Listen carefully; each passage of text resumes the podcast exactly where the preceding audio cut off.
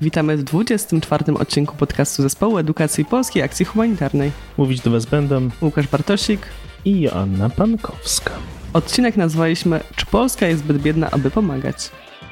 W nagraniu będziemy starać się Was przekonać, że wcale tak nie jest. Zaczynamy! Dzisiaj odcinek tylko z nami. Nie będziemy mieć gości zewnętrznych, ale za to będziemy mieć rozkminki. Rozkminki wspólne i dyskusje wspólne na temat stwierdzenia, które pojawia się e, w różnych naszych przestrzeniach pracowych, czy to social mediowych, czy edukacyjnych, czasem w różnych formach, ale mniej więcej sprowadza się do tego, że Polska jest zbyt biedna, aby pomagać na zewnątrz. Czasem występuje to w różnych innych odmianach, na przykład Najpierw że problemy w Polsce. Najpierw, załatwmy najpierw problemy w Polsce, a później się zajmijmy czymś innym, albo już trochę innej wersji, że to nie jest nasz problem, a innych krajów problem, albo że inni powinni to zrobić.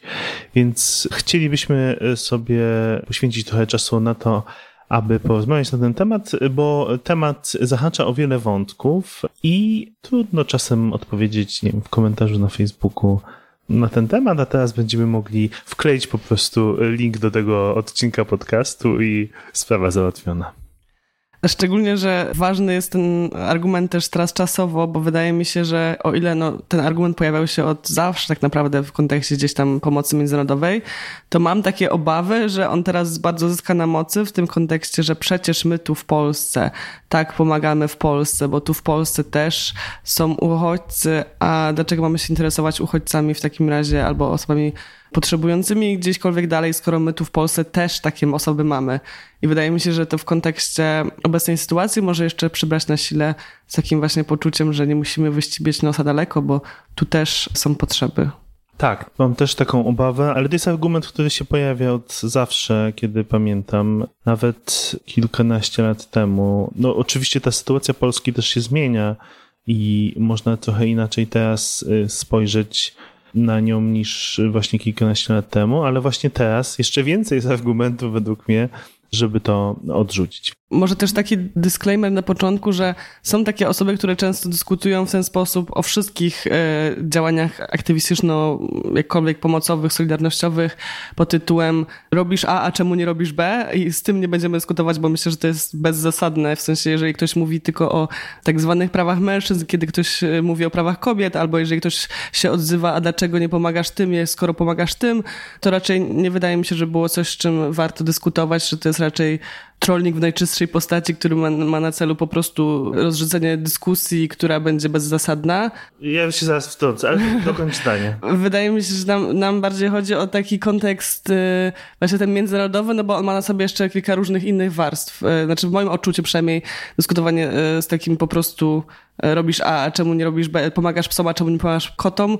Jak chcesz pomagać kotom, to pomagaj kotom, ja pomagam psom. Jakby no w sensie nie, nie widzę tutaj dużego pola do dyskusji, szczerze mówiąc. Powiem tylko, że w takim kontekście rozmowy z innymi ludźmi, czy to na przykład rozmowy podczas warsztatów, no bo najczęściej, ja się, ja się najczęściej spotykałem właśnie wtedy z tym, to mam wrażenie, że. Czyli nie traktowałbym tego tak radykalnie jak trolling, ale mam wciąż wrażenie, że ten argument tak wyskakuje za zakrętu zawsze wtedy, żeby skontrować, żeby, żeby uzasadnić to, że nie powinniśmy tego robić. Prosto mówiąc, że on jest y, tak naprawdę zakamuflowanym komunikatem na nie wobec tego, żeby pomagać poza granicami kraju, ale jest ubrany w taką formę zwykle takiego pytania w stylu, no ale przecież mamy tyle problemów w Polsce, jak to pogodzić i czy my faktycznie my powinniśmy się tym zajmować. Więc pod tym kątem jest to dla mnie taki trudny czasem do rozmowy argument, bo de facto często według mnie to jest y, odpowiedź o wiele bardziej etyczno-filozoficzna niż y, odpowiedź na zasadzie argumentów takich merytorycznych, w sensie, nie wiem, będziemy się przerzucać liczbami, kto ma gorzej. Tak, ale ona też naprawdę jest związana z wiedzą na takim poziomie wiedzy o świecie, to znaczy naszego w ogóle wyobrażenia tego, jak Polska ma się na glo globalnej skali różnych rzeczy i też w ogóle takiej wiedzy stricte z kategorii właśnie, jak jesteśmy połączeni z tymi wszystkimi procesami, nie? No bo tu też myślę, że problematyczne jest samo to, że wychodzimy od słowa pomoc, które oczywiście no, jest słowem e, użytym w tym kontekście, ale ono moim zdaniem prowadzi nas często do takich skojarzeń właśnie bardziej z charytatywnością, z filantropią, z tym, że możemy pomóc, jak już właśnie mamy naddatek, więc możemy się tutaj pochylić nad biednymi. Versus takiej narracji, która może wywołała inne emocje, gdzie byśmy mówili o solidarności, o, o jakiejś takiej. Często odpowiedzialności trochę. Odpowiedzialności za siebie nawzajem i za po prostu świat nasz wspólny. Więc to też, no, jak, jak, zawsze, bardzo wrażliwość na język. Na pewno nie będziemy no, unikać tego słowa pomoc, no bo ono funkcjonuje w tym kontekście, ale ono samo też powoduje pewne mechanizmy w tym, czy właśnie poczuwamy się do tego bądź nie. Ja tylko powiem, że moją strategią w takich rozmowach często jest takie pytanie, które zadaję czy wyobrażasz sobie taki moment, w którym faktycznie będzie już ten moment, kiedy my nie będziemy będziemy mieć wszystko załatwione w Polsce i będziemy mogli zająć się innymi krajami. Czy faktycznie tak jest skonstruowany świat, że, że sobie tak układamy różne priorytety, że y, zajmujemy się najpierw jednym, a później drugim i to drugie może sobie poczekać w międzyczasie, bo to jest trochę kwintesencja edukacji globalnej, której się zajmujemy. To znaczy, jesteśmy współzależni, świat dynamicznie się zmienia, różne regiony świata dynamicznie na siebie wpływają i po prostu tego się nie da zatrzymać. Pytanie, czy czujemy się za to współodpowiedzialni i czy chcemy wziąć na siebie taką etyczną odpowiedzialność za to, co się dzieje w innych miejscach na świecie. Nawet jeżeli ta odpowiedzialność według mnie może też iść z różnych nurtów, to znaczy z różnych motywacji. Czasem jesteśmy czujemy się odpowiedzialni, bo jesteśmy blisko, tak jak w przypadku Ukrainy. Czasem czujemy się odpowiedzialni, bo mamy jakiś związek z danym miejscem. Tak było w, w Nepalu na przykład. Chciałam powiedzieć, no. to często widać właśnie tam, tam, gdzie Polacy jeżdżą na wakacje, tam dużo chętnie pomagają. Tak. Czasem w ogóle mamy znacznie większą niechęć do jakiegoś miejsca, na przykład z powodów religijnych. Często pada ten argument, że my, na przykład w kontekście wojny Syrii, często przecież był ten e, motyw pomagania tylko chrześcijanom, więc to jest też taki duży znak zapytania. Oczywiście my mamy dowolność w tym, komu pomagamy i jak pomagamy, ale prawda jest taka, że, że ma to swoje konsekwencje. E, no i to są etyczne wybory i musimy się z tym jakoś uporać sami. W tym sensie, że no jakoś, jakoś sobie uporządkować świat i nas w tym świecie w związku z tymi wyborami. Czy pomagamy, czy nie pomagamy. To jeszcze się zabawiam w taką domorosłą panią psycholog. Mam wrażenie, że często te osoby, które właśnie dyskutują w ten sposób, czasami to wynika też z takiego miejsca gdzieś tam bardziej lub nieuświadomionego własnego wyrzutu sumienia. To znaczy, że w momencie, gdy się spotykasz z kimś, kto robi coś, czego ty nie robisz i na jakimś poziomie na przykład myślisz, że to może być dobre, że ta osoba to robi, to jakoś chcesz sobie zaspokoić swoje wyrzuty sumienia, że, że czemu, czemu w jakiś sposób się nie angażujesz i wtedy zaczyna się szukanie dziury w całym, czyli na przykład albo argumentacja, że nie wiem, że ta pomoc i tak jest cała zła i w ogóle nie ma sensu, albo właśnie tego, że najpierw trzeba to, a nie tamto i że źle to robisz. I to mi się zawsze kojarzy z takim mechanizmem, który wielokrotnie świadczałam na własnej skórze, szczególnie w przeszłości, teraz na szczęście już dużo mniej, pod tytułem nie jesz mięsa, a buty to masz skórzane. Albo takiego what about, nie wiem czy po polsku no, jest... No tak, no ale to w sensie myślę, że, że taki argument o tym, że jakby zarzut niespójności albo zarzut yy, po prostu że robisz tylko wycinek rzeczy, a nie robisz wszystkiego i no nie wiem, że, że masz takie wartości, a jednak czasem działasz w zgodzie z nimi, a czasem nie. Tak, i to myślę, że to może wypływać z różnych miejsc. U części osób rzeczywiście z jakichś przekonań takich przemyślanych, ale myślę, że u części osób to może być po prostu mechanizm obronny. Że jak damy tym osobom e, trochę przestrzeni, to rzeczywiście mogą mogą zmienić to nastawienie. Tak, no dlatego też tak skontrowałem, jakby tak się y, starałem skontrować to, co powiedziałeś o tym trollingu, bo ja mam czasem takie wrażenie, że to pytanie jest prowokacyjne, ale jest, tak jak przed chwilą powiedziałeś, trochę strategią obronną. I jeżeli podejdziemy do niego z taką, z takim spokojem i empatią, nie wiem, z, z tego, a nie po prostu z ze spinaniem się, to myślę, że jesteśmy w stanie to jakoś przepracować wspólnie, tak? I nawet jeżeli ta osoba się, nie wiem, w 100% z nami nie zgodzi w tym danym momencie, to jesteśmy w stanie otworzyć się na swoje perspektywy. Bo oczywiście, ja bym tylko tak mam potrzebę powiedzenia, oczywiście w Polsce mamy problemy, oczywiście w Polsce mamy biedniejszych ludzi, oczywiście w Polsce mamy wiele nierówności, no, ale jesteśmy częścią świata i tu jest dużo wątków do poruszenia. Dlaczego z naszej perspektywy, z mojej perspektywy powinniśmy reagować na to, co się dzieje na świecie, niezależnie od tego, czy jesteśmy biedni czy bogaci. Zresztą nie pamiętam konkretnych danych, ale pamiętam, że kiedyś było takie zestawienie, że, że to zwykle, może ci, nie ci najbiedniejsi ludzie, ale ci na pewno nie, nie ci najbogatsi, ci, tylko ci tacy średnio bogaci są najbardziej aktywni w pomaganiu takim indywidualnym.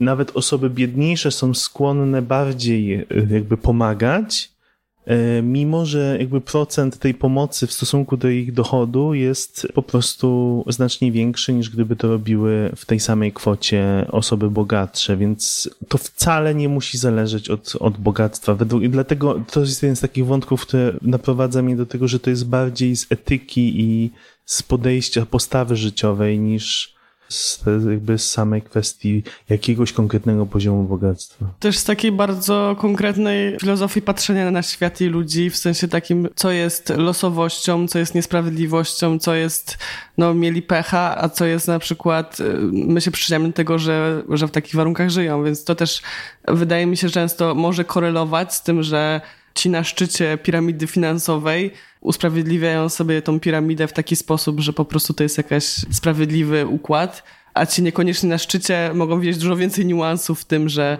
że jest tam dużo różnych wypadkowych i niekoniecznie zasłużenie na wylądowanie na którymś z nich szczebli. Ale bardzo, bardzo, bardzo wiele razy już padło w naszym, naszym podcaście teraz słowo Polska i wydaje mi się, że też trzeba zaadresować. Nie zburzymy narracji o państwach w tym podcaście, ale chciałabym go po prostu zauważyć, że jakby też cała ta filozofia opiera się na tym, cały ten argument opiera się na tym, że uważamy twór państwa jako taki twór podstawowy tożsamościowy, który jest najważniejszy i że ludzie, którzy mają tą samą tożsamość narodowościową są nam bliżsi niż e, ludzie, którzy jej nie mają. To też nie jest oczywiste i nie jest jedyną możliwym sposobem patrzenia na świat no, będziemy się posługiwać tą narracją narodowościową, dlatego właśnie, żeby po prostu argumentować konkretnie w tych ramach, które tutaj w tym argumencie są, ale zachęcamy, przynajmniej ja zachęcam, nie wiem, czy się podłączasz do tego, żeby wychodzić poza tą ramę i żeby w ogóle myśleć o sobie też w innych kategoriach, na zasadzie ile różnych tożsamości może mnie łączyć e, z osobą mieszkającą na innym kontynencie, czy nawet na tym samym kontynencie w innym kraju. Niekoniecznie musi być to paszport. Myślę, że są takie dwa wątki, które e, warto by było pociągnąć w tej chwili. Jeden to jest ten wątek spojrzenia na to właśnie pozapaństwowo, czyli jak bardzo jesteśmy skorzy jako ludzie do szukania człowieka w innych regionach świata i empatii wobec niego e, bez względu na to, czy nas na to stać, czy nie i czy, czy chcemy. I właśnie szukania tych podobieństw niezależnie od e, narodowości. A druga, drugi wątek jest taki, no właśnie związany z tą państwowością, bo państwo polskie, jak wiele państw na świecie, ma pewne zobowiązania międzynarodowe. Te zobowiązania się nazywają oficjalną pomocą rozwojową najczęściej. No i wokół tego jest sporo raportów, no sporo pieniędzy, które idzie w różne regiony świata, aby pomagać. No i myślę, że ten wątek warto też zeksplorować jakoś, bo, bo nie jest on wydaje mi się, szeroko dyskutowany w Polsce. Zgadzasz się na taki, takie dwa wątki? Najbardziej. Gdy mówimy o tym, że y, jesteśmy zbyt biedni bądź y, bogaci na coś, no to warto też zastanowić się w ogóle, do kogo się porównujemy Myślę, że w Polsce to jest bardzo powszechne, że porównujemy się do naszych niemieckich sąsiadów i to jest zawsze nas punkt odniesienia, że jeszcze, jeszcze nie żyjemy jak Niemcy, więc jeszcze jesteśmy na dorobku. W ogóle mamy po drugiej stronie, jakby jesteśmy tak, myślę, że porównujemy się też do y, Ukrainy często i Białorusi w pewnym sensie, że jesteśmy tak pomiędzy, tacy jesteśmy No, ale jakby ambicjonalnie, wydaje mi się, że mniej tam jest docenienia tego, co jest, a bardziej porównywania się, że nie jest tak, jak powinno być. Że na zachodzie jest tak, inaczej. Że tak. na zachodzie jest lepiej i że my też musimy i też no, widać w wielu narracjach takich politycznych ciągle jest, mamy być Szwecją, Norwegią, mamy być e, Irlandią, wszystkim mamy być, tylko nie Polską. Ale to też, jak łatwo zauważyć, jest zawsze porównywanie się tylko do tych bardzo bliskich sąsiadów e, europejskich. No i właśnie ta perspektywa jest bardzo europocentryczna. A jeżeli spojrzymy e, szerzej na już cały świat, no to, to wtedy to miejsce Polski zupełnie się zmienia na, na tej drabince. To jest e, też ciekawe pod tym względem właśnie, jak to porównywanie siebie powoduje, jak my się postrzegamy, bo myślę, że większość ludzi w Polsce nie postrzega siebie jako mieszkających w zamożnym kraju albo w bogatym miejscu na świecie, albo w bardzo uprzywilejowanym w ogóle geograficznym e, położeniu. Ale to nie jest e, tylko kwestia Polski, bo jest taki temat e, projektu Dollar Street i e, Fundacji Gapminder, którym Anna Rosling opowiada o tym, że ona w Szwecji wśród studentów robiła takie badania, gdzie właśnie rysowała ulicę, której była taką metaforą całego świata. Na jednej stronie ulicy mieszkali najbiedniejsi ludzie, na drugiej stronie najbogatsi i prosiła tych studentów, studentki, żeby się zaznaczyli na tej skali, jak im się wydaje, gdzie oni są. No i dla nas z Polski oczywiste, że Szwedzi no to bogaci, nie? No wiadomo. A oni się znaczali po środku skali. No i tak samo, no ja wprawdzie pewnie w mniejszej skali przeprowadzałam ten warsztat niż ona, ale ten eksperyment, ale też zdarzyło mi się w kilku szkołach i innych grupach e, to sprawdzać.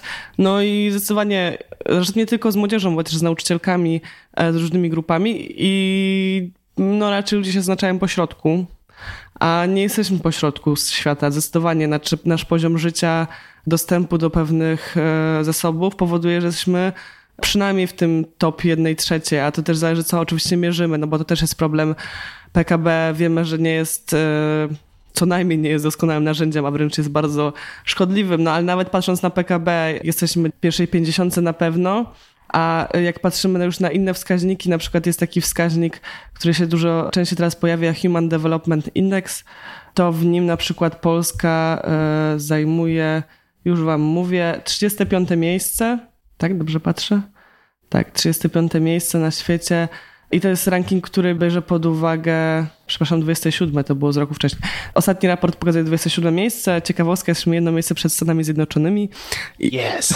Jest to dlatego, że ten raport bierze pod uwagę nie tylko PKB, ten wskaźnik, ale też długość życia i poziom edukacji, lat edukacji przewidywany długość życia przy urodzeniu i, i później. I to na przykład jest już dużo bardziej złożone niż samo dochód krajowy brutto ale na pewno też nie jest doskonałym narzędziem, bo nie mierzy nie wiem, nierówności i tego, jak to się rozkłada w społeczeństwie i tak dalej, i tak dalej. Więc no, ciężko wskazać na taką jedną rzecz, która by powiedziała, po czym porównywać te kraje tak naprawdę, bo też wiemy, że no być może w Europie mamy te priorytety dość zbliżone do siebie, no ale jeżeli na przykład spojrzymy już, nie wiem, na kontynent, na inne kontynenty, no to na przykład mogą się pojawić kraje, pojawiają się kraje, które mają inne priorytety polityczno-społeczne i wtedy to już w ogóle ciężko porównywać e, czy rozwój, czy dobro, dobrostan i tak dalej. Ale tak czy siak, nieważne co byśmy mierzyli, Myślę, że w każdym z tych e, realiów prawdą jest to, że mieszkając w Polsce mamy dostęp do powszechnej służby zdrowia, jakaby ona była, nie była, jak bardzo byśmy na nie narzekali, to mamy do niej dostęp. Opieka okołoporodowa, to, że wskaźnik umieralności noworodków i przy porodzie jest niski, to, że mamy dostęp do darmowej edukacji, no mnóstwo tego typu rzeczy, to nie jest oczywistość na skalę globalną. I to jest coś, co wydaje mi się, że też wynika często z naszego takiego nie zauważamy tego, bo myślimy o tym w takim rozdzieleniu, że jesteśmy my tutaj w świecie tak zwanym w cudzysłowie cywilizowanym i tu są pewne standardy, jest ta reszta świata, która no, żyje w innych standardach. No i pewnie można by się tu doszukiwać jakiegoś europocentryzmu, być może nawet rasizmu, no ale jest to po prostu narracja, którą też nam sprzedają media, sprzedaje szkoła, ale tak wcale nie musi być, bo też pewnie po spotkaniu bliżej osób, które żyją w tych warunkach, możemy zauważyć, że właśnie te tożsamości wcale nie, są, nie muszą być tak bardzo dalekie od naszych. Tak, no i myślę, że też zawsze jest chyba tak, wracając do tego przykładu y, z Gapmindera, że, że widzimy większą różnorodność blisko nas, im dalej, tym trudniej nam widzieć tą różnorodność i przez to, że widzimy dużą różnorodność będąc w Polsce, widzimy różne problemy, nierówności, ale są one często Chociaż z, z, innego punktu widzenia. Tutaj się przyczepię, nie wszyscy w Polsce widzą te nierówności. Jest taki pewien znany profesor prawa, który mówił o tym, że w Polsce jest już bardzo wyrówno, wyrównane społeczeństwo, gdyż on pytał studentów, studentki, kto pochodzi ze wsi, kto z miasta i się okazywało, że różnie, więc już nie ma w Polsce żadnych barier dla nikogo.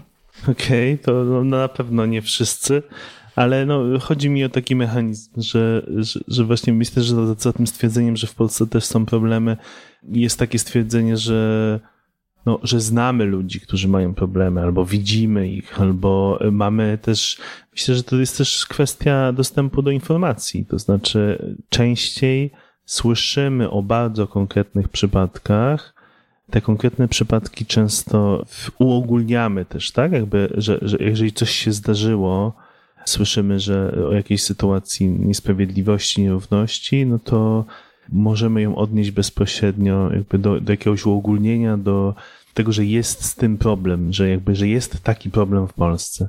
Natomiast no, w innych krajach mamy tą percepcję taką o wiele jakby mniejszy dostęp do informacji. Często w tym podcaście zresztą mówiliśmy chociażby o wizerunku części krajów afrykańskich, w których po prostu mamy bardzo konkretne skojarzenia, ale takie mocne, jednoznaczne i też nie widzimy tej różnorodności, bo to, że na przykład Kenia otrzymuje pomoc. Jest to całkowicie inna pomoc niż y, otrzymuje Somalia na przykład, tak?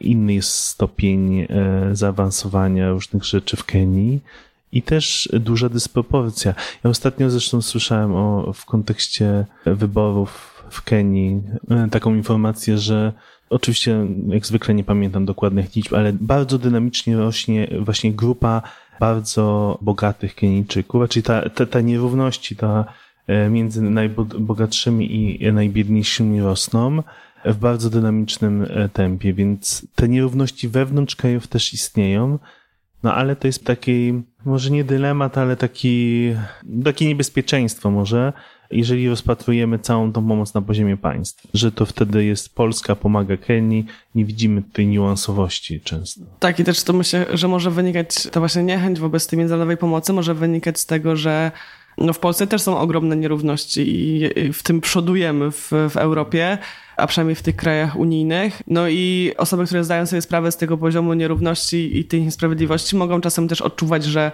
wiem, osoby bardziej uprzywilejowane zajmują się pomocą gdzieś tam daleko, nie zauważając tego, co jest tu.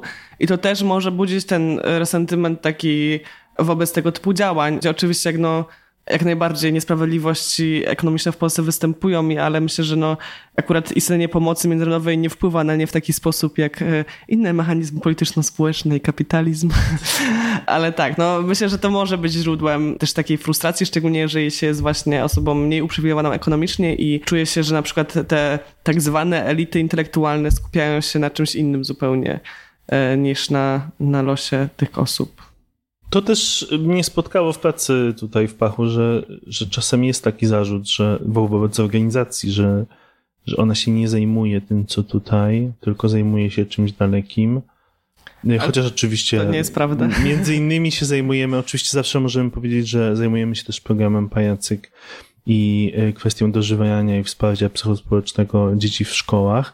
No ale e, okej, okay, to jest jakby taki argument e, jeden, ale nawet gdybyśmy się tym nie zajmowali, powiedzmy, że się tym nie zajmujemy, jesteśmy inną organizacją humanitarną w Polsce, no to jest mnóstwo organizacji w Polsce, które zajmują się różnymi społecznymi problemami w Polsce i super, że one są. I oczywiście my mam wrażenie, że w tym ekosystemie organizacji, no fantastycznie, że one są, zajmują się wycinkami różnej rzeczywistości, tak naprawdę często robią całą taką pracę społeczną, która powinna być przynajmniej częściowo robiona przez państwo, albo może nie robiona, ale zlecana, ale w sensie, że jest to jakiś kawałek rzeczy do, do zrobienia i super, że oni to robią.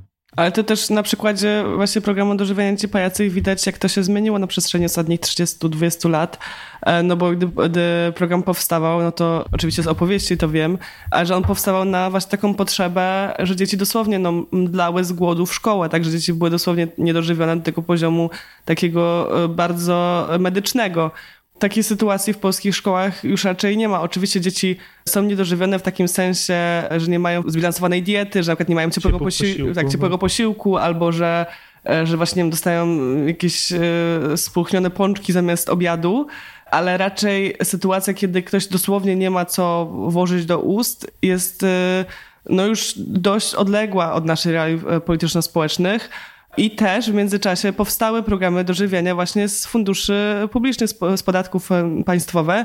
Oczywiście są jeszcze wciąż luki, w które e, program pajacyk wchodzi, ale no to jest ogromna różnica też tego, na co właśnie państwo stać w porównaniu tego, co było 30 lat temu, żeby na przykład e, dofinansowywać niektórym dzieciakom te posiłki, czego kiedyś nie było. Jak jesteśmy już przy początkach, to ja może jeszcze też powiem, że w ogóle początki pachu wiązały się de facto z o wiele większym oporem. No ja, ja, ja wtedy tu nie byłem, ale z różnych opowieści jakby to znam.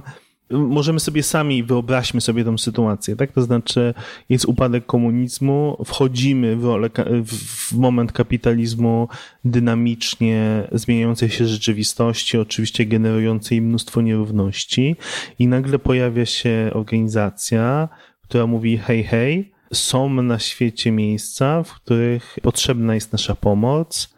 Pomagajmy poza granicami. No i oczywiście, że to się wiązało z oporem, to się wiązało z różnymi argumentami, ale 30 lat jakoś przetrwaliśmy te wszystkie dyskusje, zbudowaliśmy pewną świadomość tego, że nie liczą się tylko problemy w Polsce. I też myślę sobie teraz, jak myślę sobie na tej naszej dzisiejszej rozmowie, że my się też zafiksowaliśmy bardzo na takiej sytuacji ubóstwa jakiegoś, czyli takich nierówności ekonomicznych, trwałych, no i oczywiście tak jest, że my wspieramy często też regiony, no nie wiem, takie jak Somalia czy Sudan Południowy, które jest w miarę młodym krajem, które są po prostu biedniejsze, uboższe, no ale jest jeszcze ta sytuacja takich nagłych wydarzeń, takich jak e, wojna albo katastrofy naturalne, które też powodują dużą mobilizację. I paradoksalnie mam wrażenie, że te katastrofy naturalne zawsze powodują większą mobilizację, taką społeczną. One docierają bez względu na to, czy, czy kraj jest biedny, czy bogaty, docierają do naszej takiej wyobraźni jakby spektakularności. Że to moglibyśmy być my, nie? Że to też chyba trochę o to chodzi, że wtedy jest mhm. dużo bardziej takie poczucie, że nie ma w tym zasłużenia na to. Tak, a w wojnie jednak jest ten pierwiastek ludzki, który się pojawia i e, zawsze pojawiają się wtedy te argumenty w stylu, że oni sami sobie zgotowali ten los, chociaż de facto, jak wiecie, pewnie no, wojny nie wybuchają zwykle po referendum ogólnokrajowym i ten, tylko raczej jest to decyzja elit politycznych albo inwazje jakieś i tego typu rzeczy, więc zwykli ludzie zwykle nie mają na, tego, na to jakiegoś wielkiego wpływu, ale chodzi mi bardziej to o to, że, że, że no, tak. Tylko tej, przy tym właśnie wojennych różnych sytuacjach wydaje mi się bardzo kluczowe to, że no, teraz w przypadku ataku Rosji na Ukrainę mamy sprawę bardzo zero-jedynkową, znaczy wszyscy wiedzą, kto zaatakował kogo, wszyscy wiemy, jakie są strony konfliktu, kto jest agresorem, ale w bardzo wielu sytuacjach konfliktu sytuacja jest bardzo dużo skomplikowana. Na przykład, nie wiem, w wojnie Syrii jest bardzo wiele różnych stron i dla przeciętnego osoby niezaangażowanej jakoś bardzo w tę tematykę to staje się dużo bardziej niejasne i wtedy dużo łatwiej się z tego dystansować. Nie rozumiem, więc pewnie tam sami siebie nawzajem zabijają, to jest ich sprawa. No i to jest duży taki problem narracyjny tego, żeby właśnie pokazać, że, że no, ci obywatele Syrii, niezależnie od tego, czy zaatakował ktoś ich z zewnątrz czy wewnątrz, to są tak samo w trudnej sytuacji niesłużonej, niezawinionej, jak obywatele na przykład Ukrainy, więc e, to też różnie odbierane są te, te, te sytuacje wojenne. I tu dochodzimy do tego wątku z punktu pierwszego według mnie, które dotyczy tego, czy, czy czujemy się współ, jakby wspólnotę z innymi ludźmi pod różnymi względami i za chwilę myślę, że możemy do niego przejść, ale chciałbym na chwilę za, zamknąć jeszcze wątek dwa, to znaczy, bo tak płynnie przeszliśmy w to, ale jedna jest ważna rzecz, którą chciałbym, żeby wybrzmiała też w tym podcaście. To jest kwestia zobowiązań krajów wobec udzielania pomocy. Kraje się do pewnych rzeczy zobowiązują, szczególnie kraje Unii Europejskiej się zobowiązują, no i się nie wywiązują, albo się częściowo wywiązują niektórzy. Tutaj w ogóle bardzo, bardzo pomocne są wszelkie raporty które Wam e, polecamy, które znajdziecie na, na stronie grupy Zagranica, która monitoruje różne kwestie związane z pomocą. Między innymi ten najnowszy The Road to Equality Report 2022, który, w którym między innymi jest, jest odwołanie do Aid Watch Report 2021 e, Concordu, pokazujące w jaki stopniu kraje Unii Europejskiej dążą do osiągnięcia celu wyznaczonego dla nich. Ten cel chyba jest do 2038 roku. Do osiągnięcia 0,7% dochodu narodowego przekazywane na pomoc e, zagraniczną no, niektóre kraje już sobie świetnie z tym radzą. Szwecja na przykład 1,1%. Luksemburg, no Luksemburg może mały kraj, bogaty, więc to, to może jest łatwiejsze, ale też Dania 0,71 na przykład. Holandia 0,53 czy Finlandia 0,48. No, jak się domyślacie, pewnie nie jesteśmy tutaj w czołówce. W przypadku Polski w 2020 roku, czyli w raporcie z 2021 mieliśmy 0,1% PKB do dochodu narodowego przekazywanego na pomoc. Co prawda, przeskakując do innego raportu Grupy Zagranica Polska Współpraca Rozwojowa z 2021 roku, tutaj jest wskazane 0,14, no ale wciąż to jest daleko od celu które Polska sobie ustaliła i potwierdziła ostatnio, że do 2030 roku będzie to 0,3. Czyli my mamy cel o mniej niż połowa Unii Europejskiej, tak? Unia Europejska daje sobie cel 0,7, a my mamy cel 0,3 dochodu e, narodowego. To jest oczywiście tam w tej chwili 3 miliardy złotych. To brzmi jako wielka kwota, ale no, jak widzicie, 0,14 dochodu e, narodowego. I to, co chciałem tylko e, jeszcze tutaj dodać, że ogromna część tych 0,14% w tej chwili jest na rzecz tak zwanego partnerstwa wschodniego bo my się no, specjalizujemy trochę, czy uznajemy za interes narodowy, to też jest ciekawe, no po prostu w pierwszej kolejności wspierać e, tutaj państwa wschodnie i przekazujemy tą pomoc rozwojową tam. No ale właśnie myślę, że to co powiedziałeś, interes narodowy jest tutaj kluczowe, że na ile to jest y, jakichś egocentrycznych pobudek, egoistycznych, że to się nam opłaca w cudzysłowie, a na ile to jest rzeczywiście solidarność międzynarodowa, no bo bo rzeczywiście jakby no ta geopolityka tutaj wschodnia na nas wpływa, więc można się tu doszukiwać pewnego cynizmu jednak w wybieraniu tego typu tylko pomocy. No, ja zachęcam do czytania tych raportów. Nie jest oczywiście to y, wesoła lektura, ale też mam wrażenie, że też jest taka, nawet w tych dalszych kierunkach pomocy naszej, no bo występują jakieś kierunki konkretne, na przykład na kontynencie afrykańskim, tam jest, no dla mnie osobiście jest, jest pewien problem z powiązaniem to na przykład z interesami. Wybieramy na przykład kraje, pewne kraje afrykańskie dlatego, że mamy z nimi relacje gospodarcze. I powiązanie pomocy z relacjami gospodarczymi no jest dla mnie dyskusyjne przynajmniej. No można powiedzieć, że trzeba by to dyskutować dłużej, ale jeżeli mówimy o czymś, co, co ma być wsparciem, no to pytanie, czy jest wsparciem, czy jest interesem. No ale powiedzmy, że jest wciąż pomocą rozwojową, tak jest ujęte w raporcie, który pisze polski rząd i mimo tego wciąż nie wywiązujemy się ze swoich zobowiązań, które jak widzicie są niższe niż krajów e, Unii Europejskiej.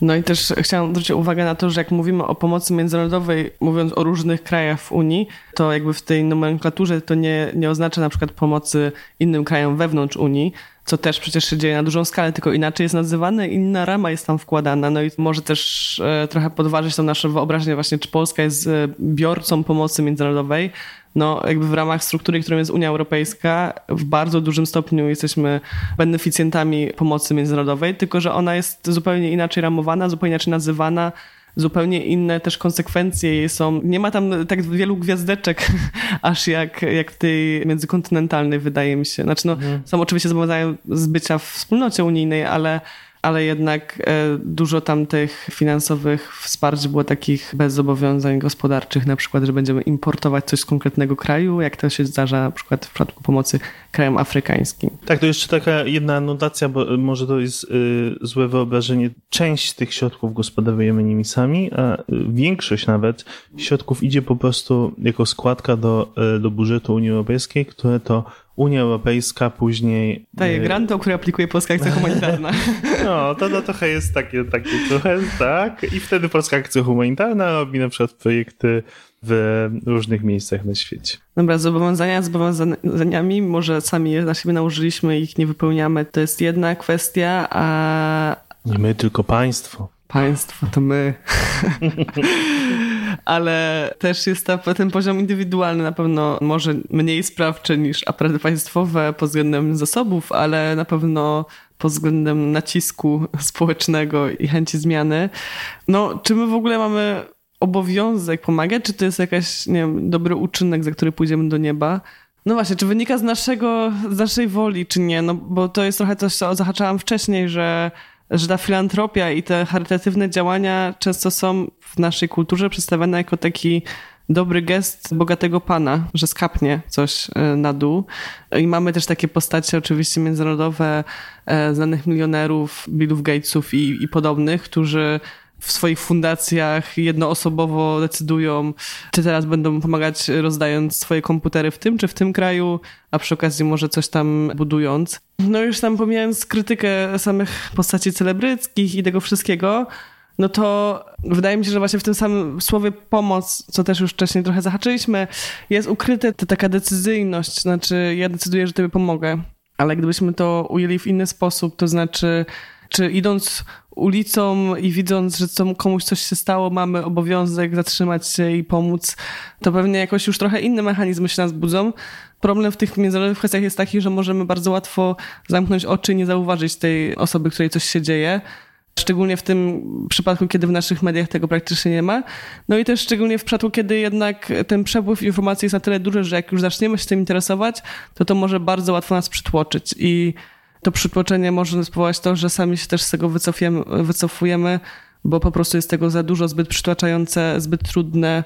Więc trzeba pewnie wyważyć jakiś balans między tym, żeby nie odcinać się w ogóle od tych informacji, ale z drugiej strony też nie wpaść w jakąś taką spiralę życia tylko tym, no bo to, to myślę, że nie, nie doprowadzi nas do dobrego stanu. No i tu dlatego wjeżdża na białym koniu edukacja globalna, która daje przestrzeń do zadawania tych pytań, e, szukania odpowiedzi niejednoznacznych i poszukiwania tych odpowiedzialności za świat, ale jednocześnie daje mam nadzieję, taką przestrzeń do szukania poczucia sprawczości, szukania strategii tego, jak działać, gdzie działać, żeby działać, e, żeby coś zmieniać, bo myślę, że coraz większa jest świadomość tego, że nasz świat potrzebuje konkretnych działań, potrzebuje zmian. Te zmiany wynikają z różnych naszych decyzji konsumenckich, politycznych, obywatelskich. E, tak jakbym powiedział, najczęściej one wynikają z tego, czego nie robiliśmy na co nie zwracaliśmy uwagi, co wydawało nam się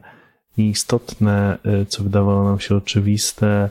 Myślałam, że inaczej zakończysz zdanie, że w większości wynikają one z kolonializmu. Bo to jest wieczna śpiewka w naszej, e, w naszej branży. I e, jak bardzo by nie była wyświechtana, no to wydaje mi się, że jednak jest, jest w tym bardzo dużo prawdy, że bardzo wiele tych rzeczy obecnie wynika po prostu wprost z kolonializmu, który po pierwsze nas dotyczy, odsyłamy do artykułu Kolonializm nas nie dotyczy na stronie Pach.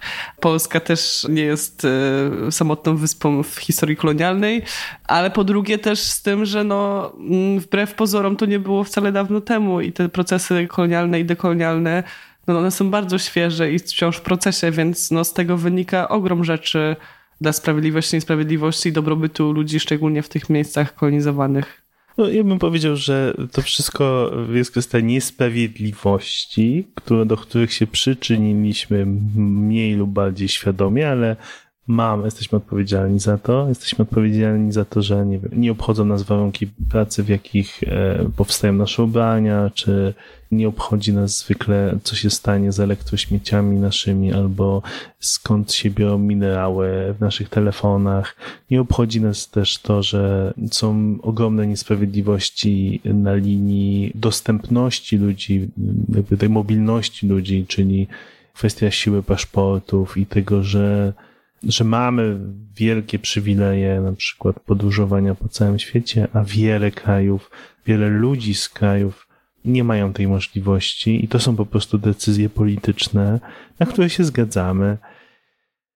Mamy też przyzwolenie na mówienie o różnych rzeczach w taki, a nie inny sposób, albo nie mówienie, albo nie wnoszenie pewnych perspektyw.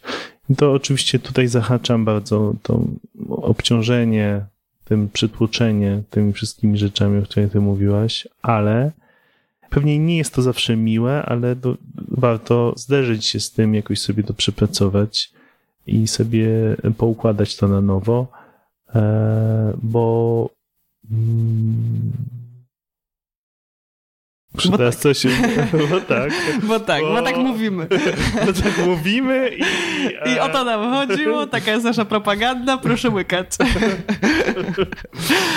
No, ja chciałam dorzucić do twojej listy, oczywiście bardzo, bardzo ważny, jeszcze ten aspekt takich ekonomiczno-podatkowych rzeczy, no bo to jest coś, mm. o czym się wydaje, wydaje mi się mówi się dużo mniej, no bo też dużo łatwiej na przykład, no też nam zrobić materiały do szkół o, nie wiem, o klimacie i sprawiedliwości ekologicznej, o minerałach w telefonach, niż na przykład o tym, że są raje podatkowe, które powodują, że więcej pieniędzy wypływa z krajów, w które teoretycznie pomagamy, a więcej korporacje sam wyprowadzają tych podatków i że to właściwie jest bilans na minus, a nie na plus dla tych krajów.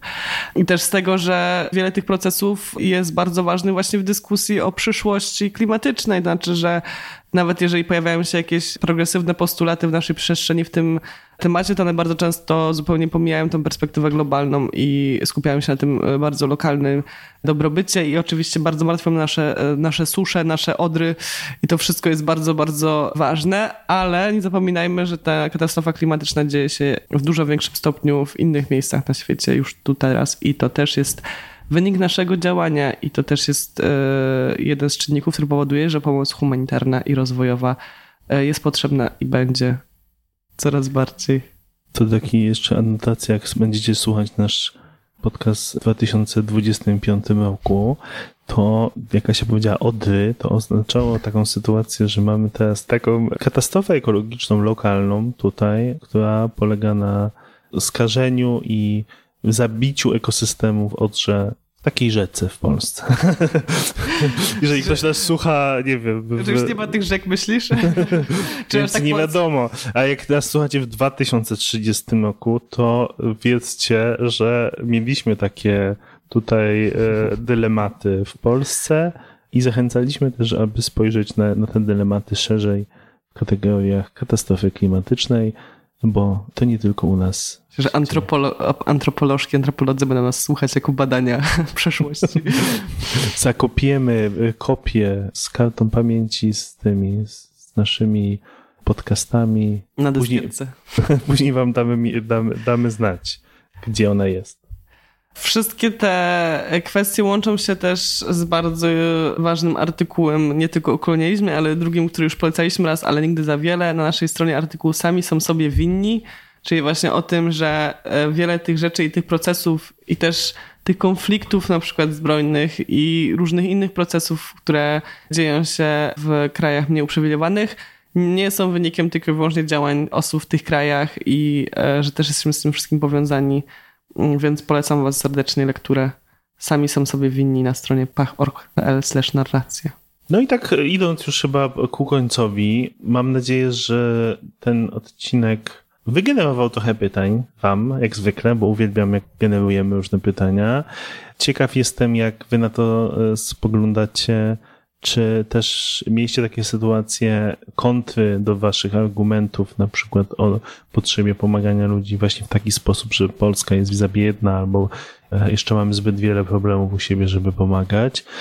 E, mam nadzieję, że też jakieś strategie i argumenty, które tutaj padły, przydadzą Wam się tak życiowo do prowadzenia tych dyskusji. No i też musimy chyba jeszcze powiedzieć coś, czego nie powiedzieliśmy, że mamy nadzieję, że ta pomoc nie będzie potrzebna w tym 2030, jak nas będą słuchać. To znaczy, że ta pomoc jest oczywiście jakimś takim rozwiązaniem pośrednim. Rozwiązaniem docelowym jest zmiana systemu na bardziej sprawiedliwy systemu globalnego, polityczno-społecznego, gospodarczego i w ogóle wszystkich nierówności zlikwidowanie. I to jest ten cel, do którego dążymy, ale ponieważ nie jest to możliwe w najbliższym tygodniu do zrealizowania, no to naszym obowiązkiem w naszym odczuciu jest e, uśmierzanie cierpieniu i solidarność globalna. Ale zanim do tego dojdziemy, to mam nadzieję, że Polska przekroczy swoje zobowiązania, które sobie nałożyła i do tego 2030 roku będzie wydała nawet więcej niż 0,3% narodowego dochodu na pomoc, a później już nie będzie musiała, bo wszystko zostanie rozwiązane. Albo może jak dobrze pójdzie, to już państwo nie będą istnieć i też będzie super. Super. Do 2030 też, a może wtedy Pach nie będzie już istnieć i wtedy przez to nie będzie istnieć podcast e, Tolerancja to za mało. Więc takie to projekcje roku 2030 przed nami. Póki co 22 Polska nie jest zbyt biedna, by pomagać. I Polska tak ma swoje problemy, ale to nie wyklucza tego, aby zajmowała się też problemami na świecie, bo jesteśmy współodpowiedzialni za nie. Bardzo Wam dziękujemy za dzisiejsze spotkanie. Słuchajcie nas. Zapraszamy też do grupy Edukacja Pach, jeżeli chcecie podzielić się swoimi spostrzeżeniami albo napisać do nas mail. E, zawsze chętnie odpowiemy. Do usłyszenia wkrótce. Pa!